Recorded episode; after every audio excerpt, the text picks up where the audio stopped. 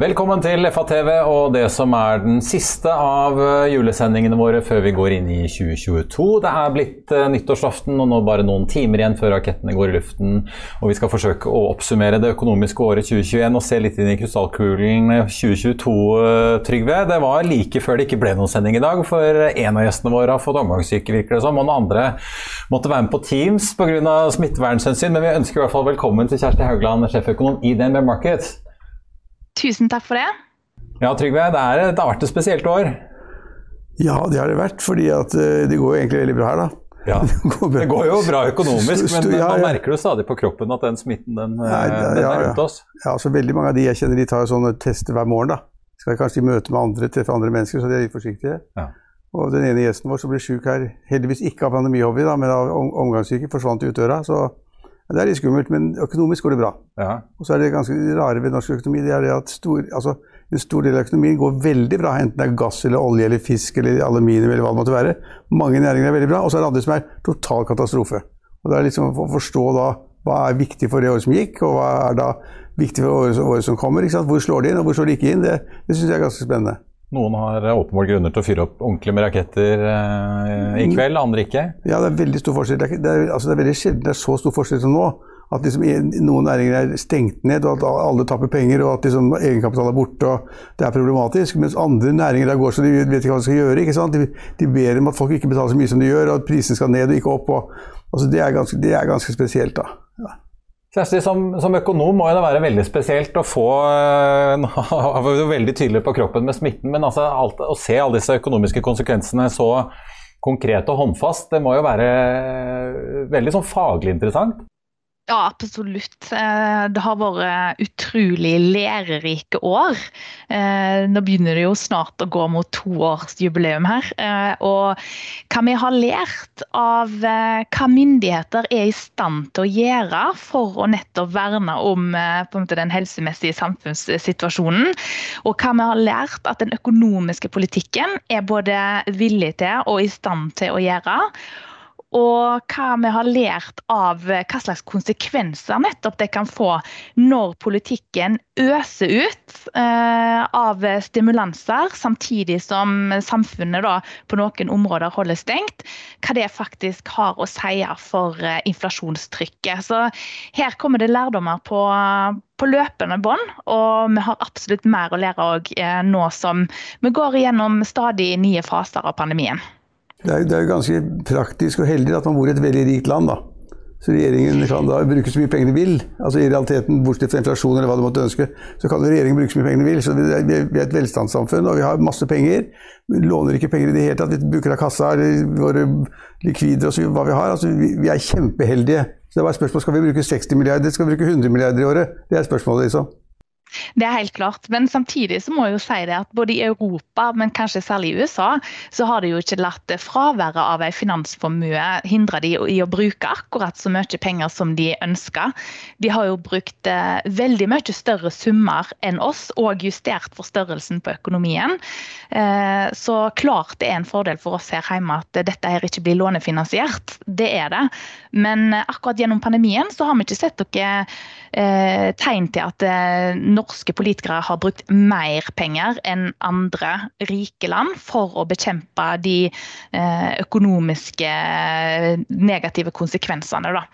Så, men det er klart at det, det, er en fordel når alt dette er over og renta etter hvert antageligvis skal opp.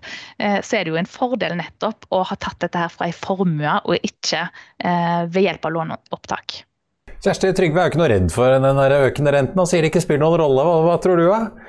Tror du at det begynner å svi snart når Norges Bank begynner å skru opp eh, styringsrenten?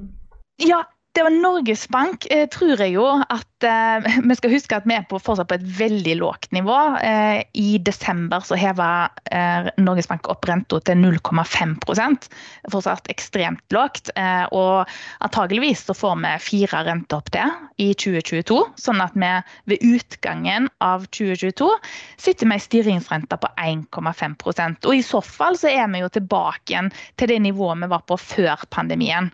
Eh, det jeg er mer bekymra for, altså jeg tror nok at norsk økonomi skal klare å takle den oppgangen i rentene til det gamle nivået, førkrisenivået, godt fordi at norsk økonomi går godt. Det er jo nettopp derfor at, eh, at renta blir satt opp. Jeg er mer bekymra for det som skjer i USA. fordi eh, der er inflasjonen virkelig eh, så sterk, og inflasjonsrisikoen så høy. Altså risikoen er høy for at inflasjonen ikke kommer ned igjen, og til og med kan stige fra, videre fra de nivåene de er på nå. Der er den mye større, da pga. den ekstreme eh, politikkmiksen de har kjørt eh, gjennom pandemien. Og da kan det jo hende, da, i verste fall, at vi får eh, en politikk fra Fed der de virkelig må skru til renteskruen. Sånn at finansmarkedene kommer i ulage, og òg den økonomiske situasjonen blir vesentlig dårligere i USA.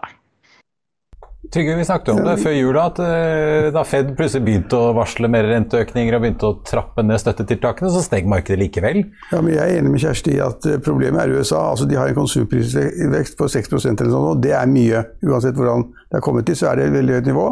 Og de er nødt til å gjøre noe med rentepolitikken. Man kan ikke ha gratis penger ut i markedet hele tiden, som da stimulerer aksjekjøp og realverdier i fast eiendom osv. Og, så videre, og, og det kan de ikke ha. Så det er Spørsmålet er bare hvor fort de nå hever renten. Altså, det er ikke liksom om de kommer til å gjøre det. Og de kommer til å redusere alle disse tiltakene som har tilført likviditet til markedet. de kommer til å gjøre. Så I Amerika vil de, som hun sier, der vil man få reaksjoner som man vil se ganske snart. Rentene går rimelig kraftig opp ganske snart. Og det vil da få konsekvenser for aksjemarkedet og veldig mange andre ting. Så det er problematisk. Og det kan også sette liksom da veksten i fare. og det, det, det er mye som kan skje. Men i Norge Altså Norges Bank hever da styringsrenten til 0,5% Jeg bare ler. Og, og så skal, da, liksom skal, man ha den opp til 1,75% i løpet av 2024 eller sånn. Det er ingenting. altså Mange vil merke det, sammen med økning av strømprisen. og det er mye rart, altså Man vil merke det. Du vil merke det hvis du har litt lån, men du, er, du vil ikke merke det mye. og, og Du vil ikke sette økonomien i fare. Det er ingen næringer som ikke har råd til å låne penger lenger. Det er, ingen, liksom, det, det er liksom ikke noe Det er ikke 6-7 du, kan ikke, du kan ikke gripe fatt i noen næringer at hvis de får den renteøkningen sånn og sånn, så kan man liksom ikke ha vekst i, bolig, i boligbygging. Du kan ikke ha vekst i næringsbygg. Du kan ikke, du, du kan ikke få nye fabrikker lenger. Liksom folk, altså, du er ikke der i det hele tatt. Det er signalvirkningen. Og Norges Bank var jo også i tvil. Det var jo ikke helt sikkert at de skulle heve renten. Kjersti, som Kjersti sikkert ble bekreftet, Norges Bank var jo litt i tvil. da. Så det kunne blitt at de ikke hadde øket eh, styringsrenten i det hele tatt. at I Norge det er liksom Ok, vi merker det, men vi merker det nesten ikke. Ja, Kjersti, de, Det var jo flere som eh, trodde at Norges Bank kanskje kom til å utsette litt eh, renteøkningen sin her før jul, når vi satt med nye nedstenginger og skjønte at eh, det ble ikke noe afterski på fjellet i julen. Ja, eh, det er jo sånn at Norges Bank nok tvilte en god del, men beslutningen når han kom, eh, var jo enstemmig eh, hos den pengepolitiske komiteen. Fordi at nettopp det økonomiske bakteppet er så sterkt, og ikke minst inflasjonstrykket er stigende her i Norge. Vi tror det ligger an til et ganske så sterkt lønnsoppgjør til våren, som kommer til å sørge for at inflasjonen ikke bare stiger pga. flaskehalseffekter osv fra den globale varehandelen som har pressa produsentprisene og da veltes over til forbrukerne, men òg da eh, vedvarer lenger pga. veldig sterke lønnsoppgjør neste år, som vil løfte inflasjonen òg på sikt.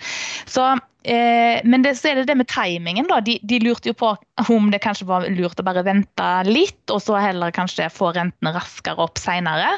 Eh, men Norges Bank valgte da å sette renta ut fra den samla økonomiske eh, situasjonen, og ikke ut fra omdømmehensyn.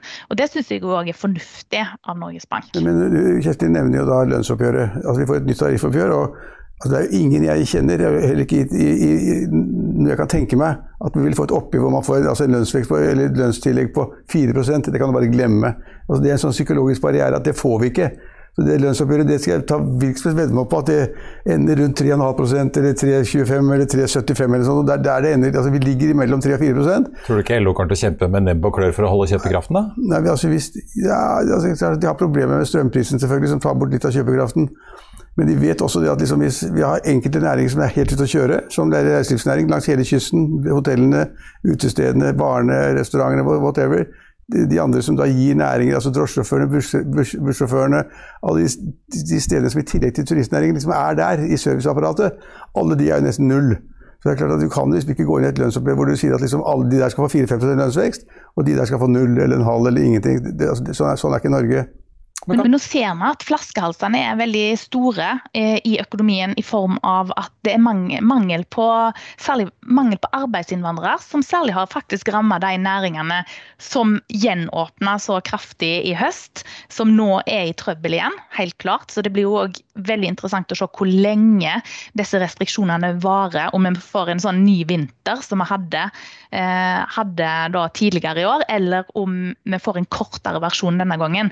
Men det er altså problemer med å få tak i sjåfører, kokker, servitører, folk til å jobbe på hoteller.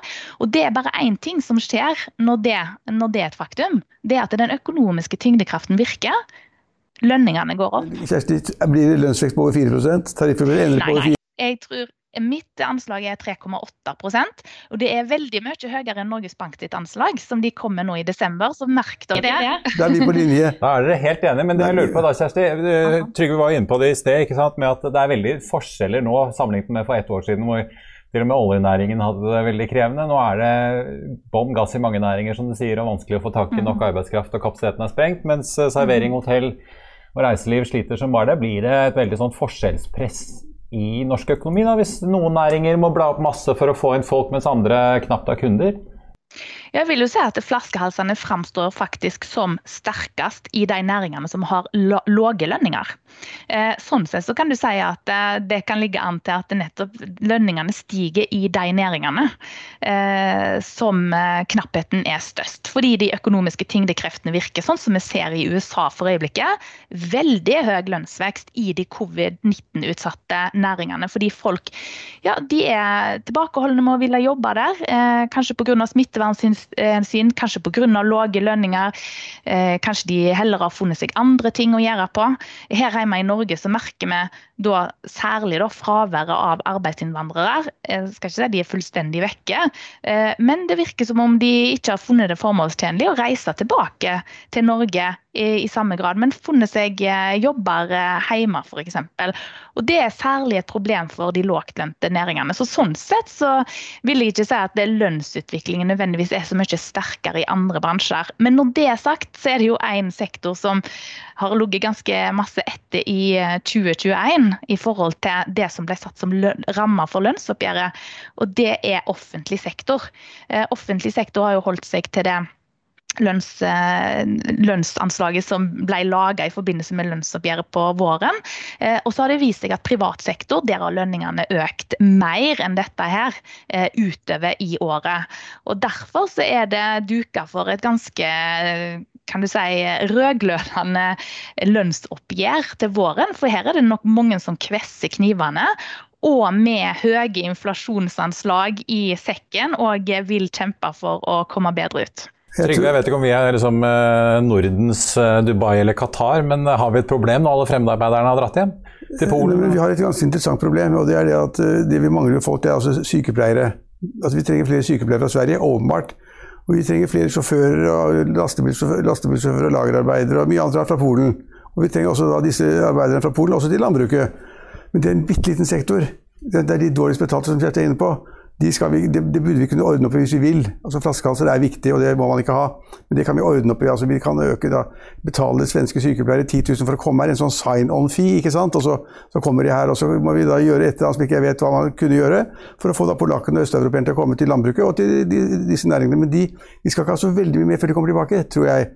Så Det store oppgjøret, som, som rammer millioner arbeidstakere, de, de får mellom 3,5 eller 4 lønnsvekst. Og offentlig sektor får ikke noe mer. ikke sant? De kommer til å snakke masse om det, opp og ned og lange artikler og masse, masse innlegg. Men de får ikke noe særlig mer.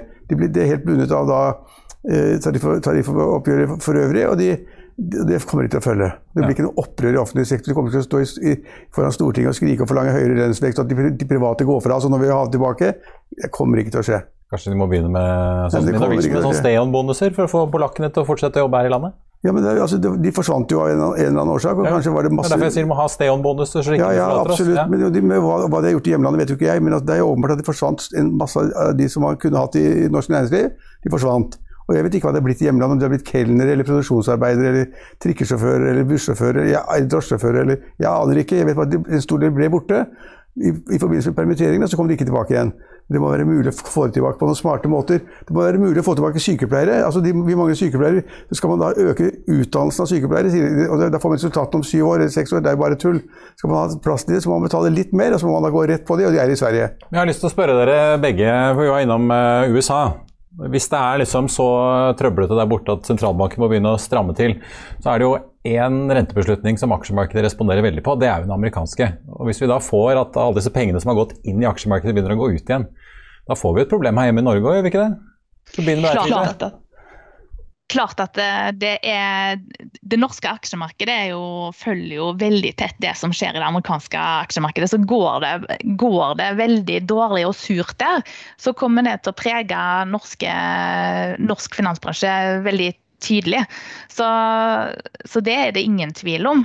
At eh, norsk, altså Oslo Børs kan Norges Bank gjøre med rente, og det tror jeg er helt rivnende likegyldig for Oslo Børs.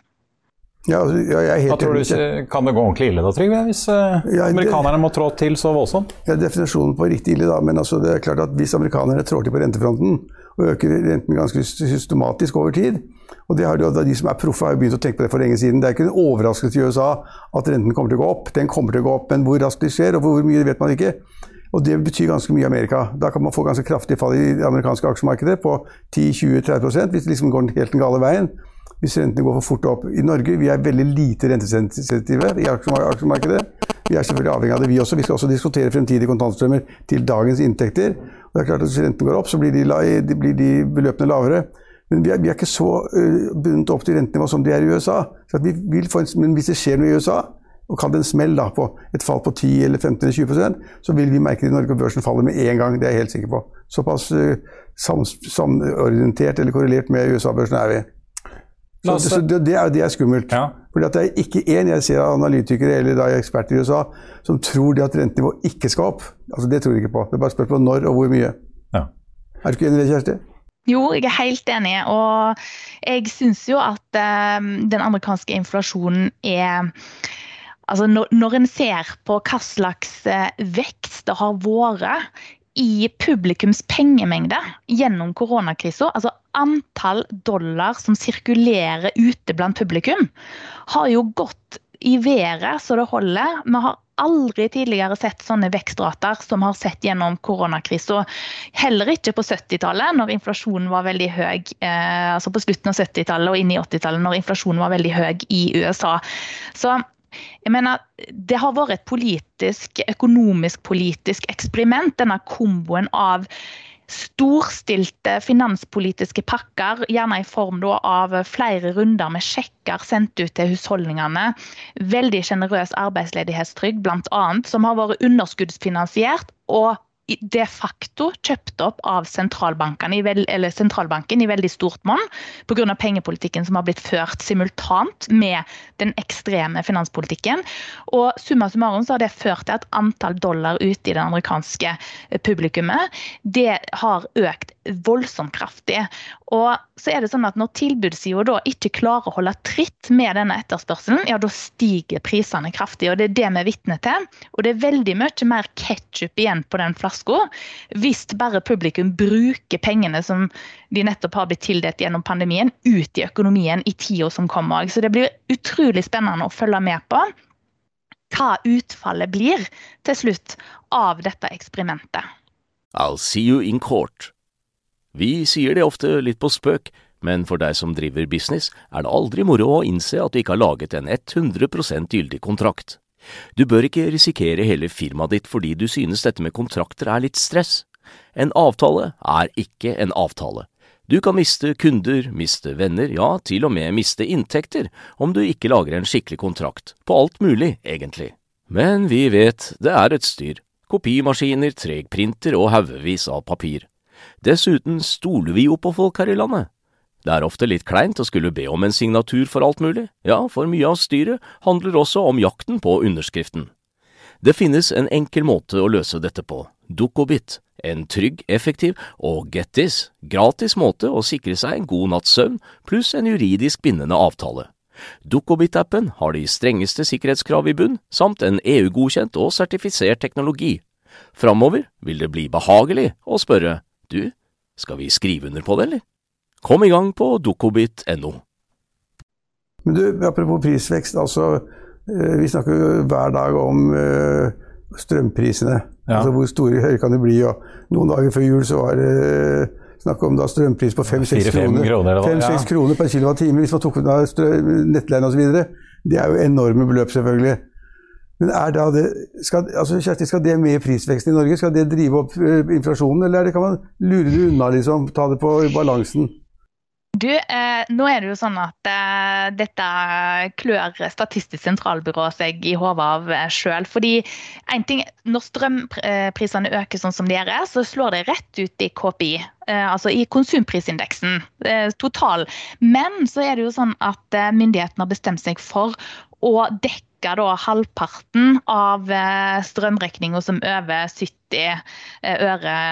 Men og så er det med visse andre modifikasjoner osv. Så, videre. så de har bestemt seg for å, å, hjelpe husholdningene med dette. Og nå er spørsmålet på hva måte skal dette gjenspeiles i eh, inflasjonen. Hvis eh, Statistisk sentralbyrå bestemmer seg for at dette her er å regne som eh, en overførsel til husholdningene, eller en subsidie til husholdningene, så er det ikke sikkert at inflasjonen blir eh, heva på samme måte. Da.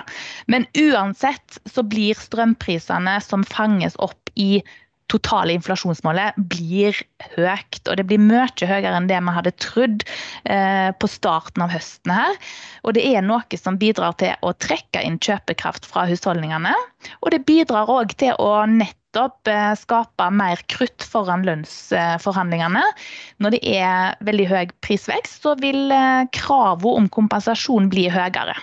Men, men, men, ja, altså, Marius, må ikke dette smitte over da, av den strømprisen? Selv om uansett hvordan SSB regner, så må det jo smitte over noen butikker og gårdeiere. Ja, først, først, først, vil øke strøm, strømprisen øke. Ja. Det øker prisnivået. så Det er jo helt sikkert, det øker prisene. Det øker konsumprisindeksen. Det er helt sikkert. Men så får det da kanskje pengene tilbake igjen av staten i form av eh, sosialtilskudd eller boligtilskudd, hva det måtte være, i 5 milliarder. Det øker kjøpekraften. Da får de jo penger fra staten, en pott på 5 milliarder kroner. Det er masse penger, det. Staten tjener jo... Så først så øker prisene, og så får de da en 5 milliarder fra staten, og det øker etterspørselen. Og det kan da presse prisene opp, det også. Ja, men summa summarum så vil eh, det uansett bli eh, veldig høye strømregninger. Selv når denne subsidien er, er regna inn, da, så vil det jo bli mer, eh, mer, eh, å betale for husholdningene for strøm enn noen annen vinter. Ja, det, det, det, det, estimerte jo 28 milliarder, og så skal de dele ut 5. Det er jo 23 netto til staten, da. Ja, ja, det er en annen ting. Det er statsfinansene. Men, at, men at, at våre generelt går opp med veldig mye høyere strømpriser, det må være klart at da staten på en eller annen måte dekker det, at du får tilbake pengene på en eller annen måte. da. Du har betalt i markedet til strømselskapene en høy strømpris. Ja. Det øker prisnivået og øker konsumprisindeksen. Men så får du tilbake igjen som en gave etterpå. Altså, hvordan det slår ut, det er jeg ikke helt sikker på hvordan man skal håndtere det. faktisk. Jeg regner med at da eh, myndighetene ikke syns det er så veldig gøy at dette blir kjempeprisvekst, og de på en måte skal skjule det på en eller annen måte. Da. Så de kan si at det er ikke prisvekst, det er en eller annen form for overføring som da ikke skal slå ut i indeksen. Ja, ikke vet jeg.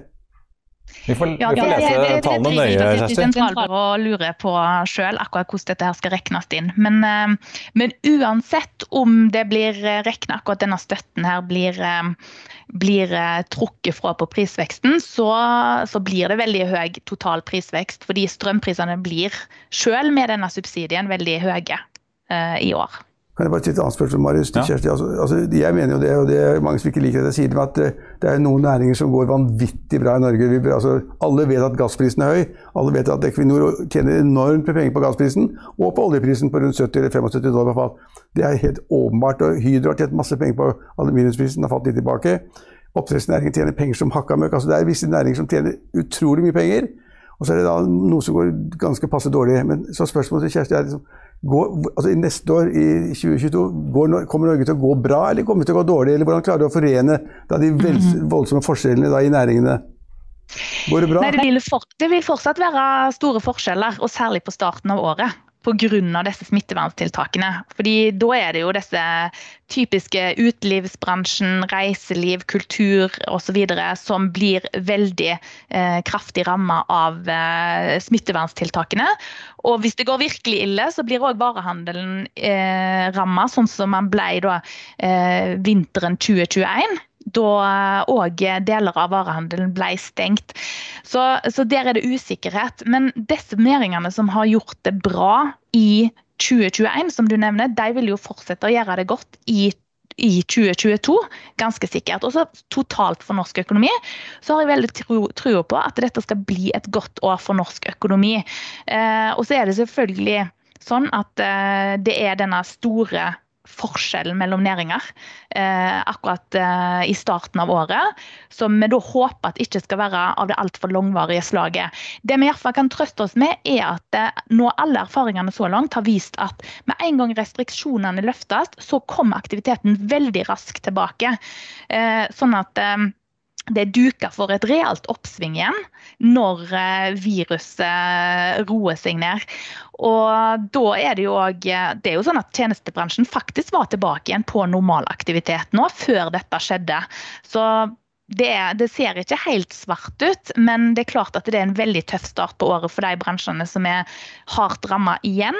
Eh, men summa summarum for norsk økonomi, og det er jo nettopp derfor Norges Bank fant det nødvendig å heve renta i desember, på tross av at en kanskje kunne oppfatte dette som dårlig timing, fordi at norsk økonomi fortsatt går så, såpass bra da, i sett med fugleperspektiv. Nå hadde vi jo økonomisk fall i 20. Hva tror du vi ender på i år på fastlands-BNP, og hva tror du om neste år, Kjersti? Tror at vi havner på en vekst rundt 4% i år, og så en vekst på rundt 3,7% neste år. Så det er jo veldig sterke tall. Det er nesten, sånn, nesten like mye gass, det, Trygve. Det er nesten like mye gass, det. Det er, det er veldig sterke tall, det tror jeg også på, faktisk. Eh, kanskje ikke fire, fire kanskje blir litt mye sånn. Det avhenger av hvordan den tjenestesektoren utvikler seg. Da. Om det smitter osv. At folk blir nervøse og ikke bruker penger i det hele tatt. Eller om de bruker de pengene de har på å kjøpe mer mat eller gå på treningsstudier eller altså Jeg vet ikke helt hva som skjer. Men, men det er jo litt interessant med at når man, altså man har den nedturen man har nå, så er det en, hva, skal vi spørre Marius, hva er det som kan føre til at de som da har butikker langs grensen, kommer til å juble? Det er vel at uh, grensen åpner igjen, da? Nei, den stenges jo. Får ikke lov å reise i Sverige. Ikke sant? Ja, på norsk side av grensen, ja. ja, ja, ja. Man bruker alle pengene i Norge. Alle kjøpmennene i Østfold de jubler nå. Ja, alle, alle, som trodde Jeg trodde du mente på svensk side av grensen. Ja. Nei, nei, men alle tror at det at liksom nå er det problematisk ikke sant? for norske mm. kjøpmenn og osv. Nei, det er ikke det som kommer til å skje. Når Sverige stenger, De har ikke stengt ned, da. Altså, mange land har stengt ned i Europa. Men hvis, hvis Sverige skulle stenge grensen igjen, så er det bonanza i alle kjøpesentre. Thon og alle de. Vi elsker det. Alle er fornøyde. Det er kø i Halden istedenfor fra Halden. Ja. ja, og vi er ikke langt fra. Altså, det, det merkes jo allerede nå på reiserestriksjonen til Sverige, at da butikkene har grensen på norsk side, gjør det veldig mye bedre, og at de på svensk side begynner å grine. Og Det er jo det som er så rart med koronapandemikrisen i forhold til andre typer økonomiske nedturer og, og, og tøffe situasjoner. At eh, det som skjer nå, og grunnen til at det blir en nedtur, er jo nettopp at folk er forsiktige, skråstrek myndighetene innfører restriksjoner, eh, som gjør at eh, folk rett og slett ikke bruker penger på det de pleier å bruke penger på. Og Det er ikke pga. bortfall av kjøpekraft, men det er pga på et vis at de ikke har de mulige forbruksmulighetene som de vanligvis oppfatter å ha. Og da øker sparinga, og vanligvis i en økonomisk nedtur så ser vi ofte at eh, sparingen går ned. Nettopp fordi at en, en tærer på sparingen for å kunne på en måte opprettholde forbruket noenlunde, iallfall i en økonomisk nedtur. Men nå er det jo faktisk ikke kjøpekraften i og for seg som er ramma. Selvfølgelig er det noen som opplever det, men sånn, sånn på overordna perspektiv for norske husholdninger så blir kjøpekraften godt opprettholdt, og så vil sparingen øke. og Det betyr at det da samler seg opp mer ketsjup på flaska, som etter hvert skal tyte ut igjen i norsk økonomi og skape problemer for tilbudssida eh, med å levere nok og raskt nok og få tak i nok folk osv. Så, videre. så dette her er jo en oppskrift på noe som kan føre nettopp til eh, varm temperatur i norsk økonomi når gjenåpningen eh, er et faktum, og økende inflasjonstrykk. Ikke amerikanske tilstander, merk det. Det blir ikke, inflasjonshelvete her, Kjersti. Det blir ikke det. Nei, nei, det, blir det, helt annet Men, men, men, det er ikke lett å lage prognoser, i hvert fall. Nei, det, det, er, nei, det er litt komplisert, men det er også så, så morsomt. Kjersti er inne på en ting, det er Tilbudssiden er ganske morsom nordmenn kommer til å altså, spare mer, ha mer penger i banken osv. Og, og så får de ikke lov å bruke heller, vet du. For ikke kan de reise på ferie, og ikke får de lov å kjøpe vin til maten heller. Hvis du kommer inn på en restaurant på Vestlandet, ikke sant, så får du får ikke vin til maten, så da gidder du ikke. Så, da går du heller på et eller annet sted med en cola eller vann eller noe sånt, og man gidder jo ikke. At, du får ikke bruke penger heller. Hva skal du bruke det på? Du kan, og vi nordmenn vi kjøper jo ikke gass og olje, og, og, og, og oppdrettslaks kjøper vi kanskje noe av, men altså, det er interessant at det er tilbudssiden det er problemet. Folk har nok penger. Vi må bruke det på å lade elbilen vår med dyr strøm. Men uh, til, til, slutt dere vil gjerne høre om uh, noe annet som stiger, og det er uh, boligprisene. Eiendom Norge var jo ute her før julaften og anslo 4 eh, nominell vekst i 2022. Eh, siste tallene fra november, da var vi opp 6,6 i, i, i hvert fall november til november. da. Så får vi se hva desembertallene ender på til slutt. Hva tror du Trygve? Tror du vi får eh, noe mer enn 4 boligprisvekst neste år? Nei, men jeg tror, vi, altså, vi, får en pen vekst. For det første så har vi snakket om nettopp nå at det er ganske stor kjøpekraft hos husholdningene. De har ikke noe å bruke penger på. De kan ikke reise til utlandet, de kan ikke reise til London, de kan ikke reise på weekendtur til New York, de kan ikke reise til Mallorca. ikke sant? De har veldig mye penger. Lønnsveksten har vært ganske stor, samler opp penger, slik at øh, Da vil sannsynligvis en del bruke pengene på å forbedre hyttene sine, kjøpe hytter de som ikke har. Og de vil sannsynligvis etterspørre bedre boligstandard og bedre boligkvalitet og betale mer for flere kvadratmeter.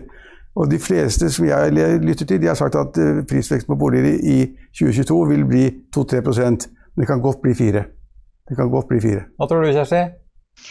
Ja, Vårt eh, boligprisanslag for 2022 eh, er 3% økning. Det er gjennomsnittet. Da. Så I desember 2022 så tror vi at eh, helt spesifikt at boligprisene er sånn 2,5% høyere enn det de er i desember 2021. Eh, så det vil bety da, eller Bak det så ligger det en antakelse om at vi skal fortsette å putre av gårde med omtrent samme takt som vi har hatt på slutten av 2021, med en sesongjustert oppgang måned for måned i boligprisen på rundt sånn 0,2% Og så syns jeg at eh, jo lenger eh, denne restriksjonsperioden varer, sånn jf. det som Trygve sier her, jo, jo mer er det jo er er, jo mer vil jeg si sannsynligheten er for at vi får noe høyere boligprisvekst i starten av året, som kan løfte dette eh, boligprisestimatet. Eh, fordi Hvis dette varer lenge, så tror jeg òg at sånne effekter som vi så i tidligere faser i pandemien, med at folk da velter mer av kjøpekraften sin over i bolig, eh, boligmarkedet, og kanskje pga. en slags en slags hverdagssituasjon som eh, medfører å være mer hjemme osv. Som gjør at en kanskje setter i gang med boligbytteplaner som en uh, har tenkt på en stund tidligere. Så kan godt få en liten repeat av det, men jeg tror det fordrer at situasjonen varer ved en stund. Hvis vi, uh, i den mest optimistiske tilfellet her, får mindre restriksjoner i midten av januar igjen, og at det ikke blir en repeat av vinteren 2021, dette her, da tror jeg nok at eh, vi mer ligger an til en boligprisvekst som er ganske moderat. Eh, og egentlig helt på linje med det både Norges Bank ønsker seg, og jeg tror bransjen ønsker seg. og det er vel ingen som ønsker at uh, verken at boligprisene skal gå rett åt skogen eller rett åt himmels, eh, fordi alt det er jo Jevnt og trutt oppover, det er det vi liker, vet du. Jevnt og trutt, det er bra, så, men det er det vi tror mest på. Fordi tross alt renteøkninger vil dempe gemytten i boligmarkedet. Det tror vi det er lite grunn til å stille spørsmålstegn ved. Fordi det er jo sånn i boliglånsforskriften at på på ethvert tidspunkt når du skal ta opp lån, så må du tåle en 5 prosentpoeng økning i eh, renta. Eh, det skal du på en måte oppfylle det kriteriet for å kunne ta opp lån. Og da blir jo den barrieren større og større jo mer renta øker. Men det, som, det, som jeg, det er ikke så mange andre som vil ha det synspunktet som jeg har der. Men altså jeg syns det er bra med en ganske sterk prisvekst på boliger, fordi det er det som fører at tilbudssiden øker. Altså de, som tjene, de, som skal bygge bolig, vil tjene på det. De store entreprenørene og de, og de andre de setter i gang mer hvis de tror de kan tjene mer penger. Det går oppover. Altså, du bør ja. ikke gå på handelshøyskolen for å skjønne det. Sånn er det bare. Så jo, så, jo, større, jo, større, vekst de ser i boligprisene, hvor mer penger regner de med å tjene, og da setter de i gang mer. Hvis boligprisene får en veldig svak utvikling eller skulle falle, det tror jeg ikke på, så vil da veksten da i nybygging sannsynligvis gå ned, og det er ikke bra. Så jeg vil gjerne ha en litt prisvekst over det Kjersti og andre sier, for at da tilbudssiden skal bli litt bedre, at de som da tjener penger på å bygge, tjener mer. Det trenger vi i Norge. Vi trenger flere boliger. På tampen Kjersti, skal jeg ta et spørsmål bare til deg, for dette har jeg spurt Trygve om før. Eh, blir det Ida eller blir det Jens som blir ny sentralbanksjef?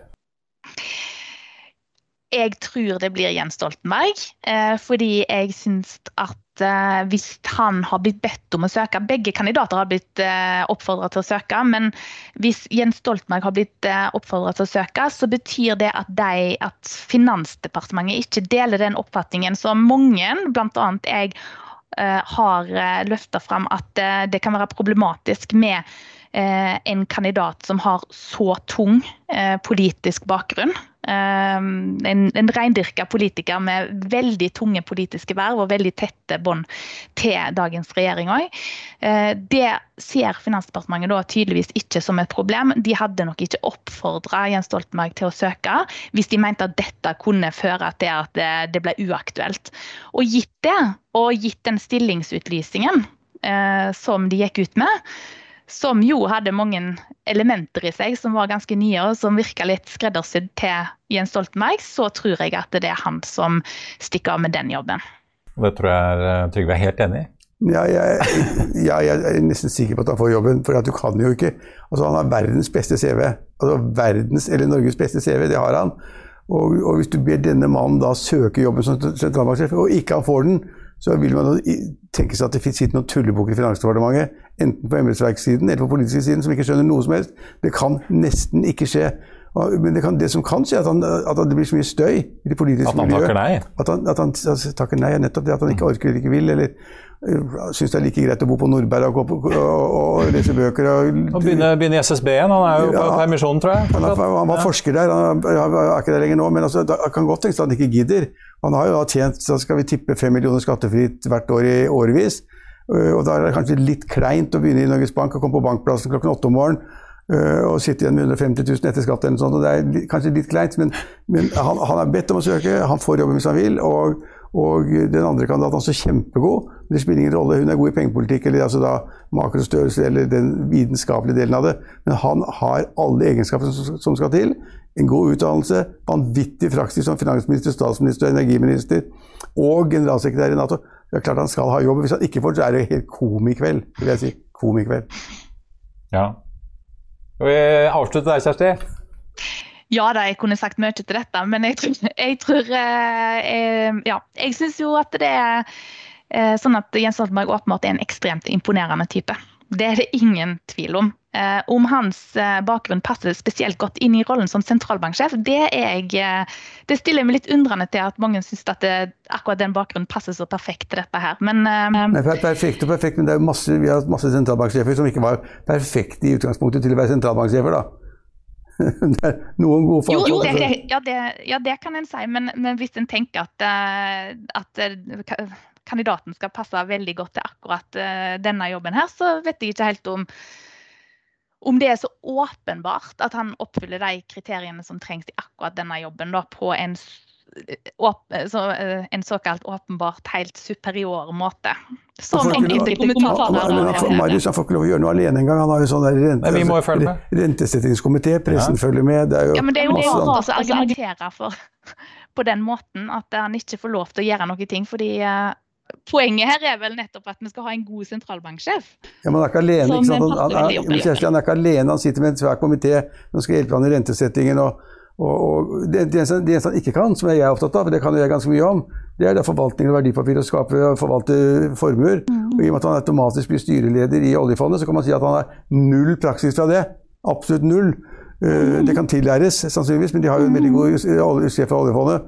Der har han ingen praksis. og Jeg burde jo egentlig si at er, han, har, han har områder hvor han ikke er god nok, burde jeg kanskje si. Men jeg syns vi må tilbake til utgangspunktet når du spør. Og det er det at han, har, han er bedt om å søke.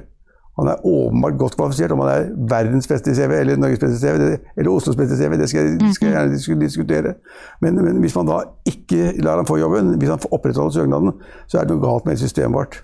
Ja, da, da er det litt Da er det nok av bakere og pensjonister og rørleggere som søkte på jobben også. Ja, det var mange andre som var interessert. Ja, andre Kjersti hadde sikkert takket ja hvis hun hadde blitt spurt. Nå. ja. Hvem hadde ikke det? Sier jeg bare. Da ble du og Marius. Ja, ja. Jeg er sikker. Ja, ja, ja. Kunne vi stått på podiet i Norges Bank istedenfor å sitte her hver dag? Ja. Ikke sant. Kjersti, et riktig godt nyttår. Og så får vi bare si tusen takk for at du var med, og så satser vi på et digit, nei, hva heter det, fysisk oppmøte neste gang. Godt nyttår. godt nyttår. Før vi avslutter, husk at du også kan se alle julesendingene vi har hatt, og alt annet som skjer på FA-TV ved å gå inn på fa.no tv, og at du også kan høre disse sendingene som podkast og søke opp Økonominyhetene på Spotify, Apple Podcast eller ved å gå inn på finansavisen.no podkast. Det var det vi hadde i denne omgang, men vi er tilbake med vanlige sendinger fra mandag 3. januar. I mellomtiden ønsker både Trygve og jeg og alle vi i Finansavisen her på Smestadammen deg og dine et riktig godt nytt år. Og husk at du som alltid får siste nytt på fa.no. Takk for at du så på, og så ses vi snart igjen.